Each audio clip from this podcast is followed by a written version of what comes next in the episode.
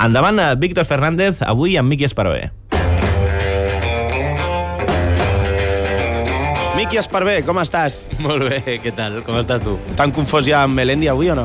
Encara no, ostres, que va, va, va, ser tan meravellós això. Això ho diu perquè la nit de cap d'any em vaig trobar un paio pel carrer i em va dir, perdona, tu me, me suena, me suenas. Bueno, pues igual, no sé, soy actor, tal. No, no, no, no, no, tu eres Melendi, no? Em va dir, t'ho juro. Perquè, clar, els hi sones, però no saben dir el teu nom.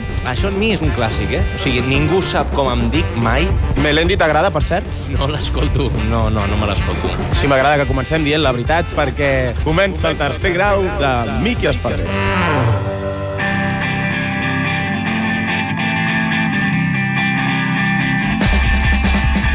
Miqui, tu que ets actor, estem en un bar, has treballat a molts bars de cambrer o no? Buah, moltíssims. És probablement la feina que més vegades he fet, a part de la que em dedico a dia d'avui. Però sí, sí, havia portat fins i tot un local de copes d'un col·lega a Manresa, jo soc de Manresa, llavors havia portat com un local de copes d'un col·lega.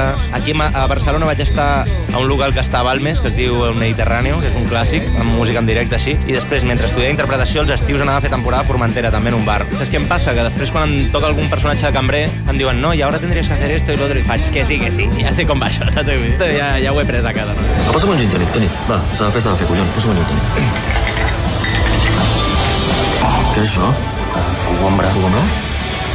Allò que t'he demanat, Toni, un gin tònic, una puta amanida. No, però és que ara el gin Toni, tònic... Toni, El teu personatge, el rei Borni, te'n recordes allò que li acostava dir la S i tal? En qui et vas inspirar? Mira, si et dic la veritat, vaig inspirar una miqueta amb un col·lega de classe que tenia, que es deia Ivan, que era xopes, que parlava així, i feia molta, feia, feia molta gràcia a nosaltres. Però això en realitat ni tan sols va ser una aportació meva, eh? això va ser una proposta que em va fer el Marc Creuet, el director, abans de començar a rodar i abans de llegir el guió i abans de res em va dir "Mm, em fliparia que el personatge tingués alguna, algun defecte a la parla que, que li costés, no? Sap el teu col·lega Ivan que ets tan cabron o no? No en té ni idea. Com et deien a tu, a la teva colla, per cert? Tu hi ha alguns personatges que has fet que tenen un punt així macarrilla, que, que et surt molt bé. Això és perquè tu ets una mica de macarra o perquè ets molt bon actor? Dic la veritat, hi ha molt del... Ma... Sobretot amb, quan parlo en castellà, em surt una miqueta així el macarrilla de... de... Eh, saps de què és això? Jo vaig patinar amb skate molts anys, 10 anys o així de la meva vida. Llavors jo estava sempre al carrer i al carrer normalment les places més suculentes per patinar acostumen a estar les, als barris més xungos. Llavors de cop i volta em vaig trobar amb el bo i millor de, de tot Manresa en aquell cas i a Barcelona quan venia a patinar per aquí. Llavors, no sé, En mi barrio no hay talegos, sobrevivo como puedo. Si quieres ganar dinero, tendrás que echarle más huevos.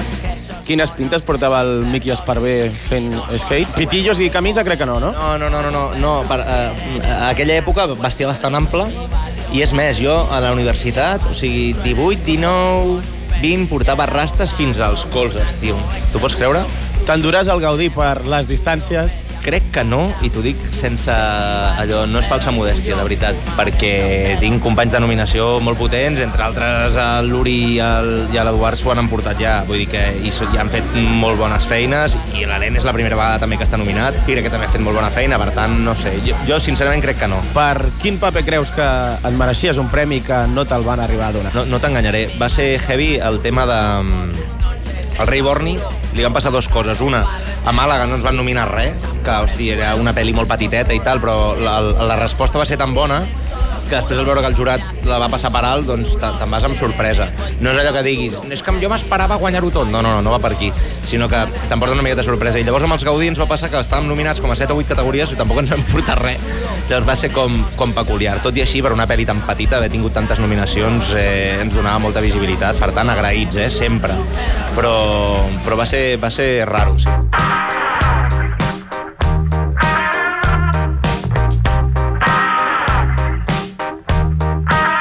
Tu ara que ja portes uns anyets en això, digues la veritat, quan t'arriba una pel·lícula low cost, no penses, me cago en la puta, una altra pel·lícula de baix pressupost? No, perquè saps què passa? Normalment els guions low cost per norma acostumen a ser creativament guions arriscats, guions amb unes propostes de personatge més suculentes moltes vegades. Per mi l'equilibri meravellós és poder combinar una cosa amb l'altra, no? I de cop aquest any estrenar Les distàncies i jo què sé, i, i ara d'aquí res estreno Perdiendo l'Este, que serà com rotllo blockbuster espanyols, és el que pretenen, no? Escolta, tots els actors i, la, i les actrius són tan simpàtics i tan enrotllats com semblen o hi ha algun cabron suelto igual que la resta de professions? Oh, hi és, hi és, clar que hi ha cabrons, hi ha gent amb un ego desproporcionat. Això fa ràbia, perquè a mi, per exemple, eh, perquè jo soc, no sé, crec que com jo hi ha moltíssima gent que no donem mala fama al sector, però això és com a tot arreu. El que passa és que el nostre té exposició pública, no?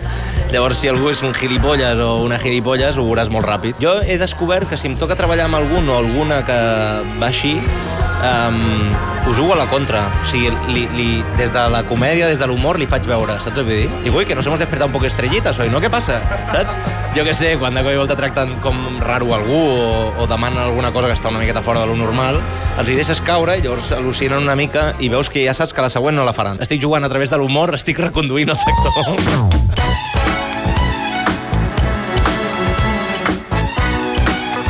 Quines són les coses mediocres que has fet avui i que no compartiràs a Instagram? Fer una rentadora, això és molt mediocre, no? Fer una rentadora. Què més he fet? Estendre-la?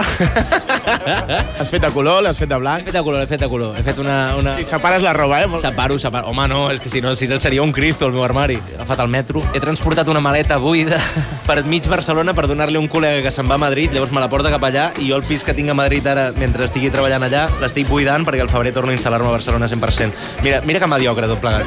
Escolta, he vist que ets molt fan de Don't Stop Till You Get Enough, del Michael Jackson. Com sonaria aquesta cançó a la veu del protagonista del Rei Borni? You get enough. O sigui, seria una miqueta així. Veus? I a Michael Jackson sopes, eh? M'has ara obert un meló que em, em pot pertorbar el cervell tota la tarda. Gràcies, gràcies. doncs escolta una cosa, Miquis Parvé, gràcies per aquesta estoneta aquí al Bar Canigó. Soc molt de bar, soc molt de bar. M'agrada molt, m'agrada molt i, és, i soc bastant client habitual d'aquest lloc, o sigui que gràcies. Gràcies a tu. Adéu-siau. Un plaer.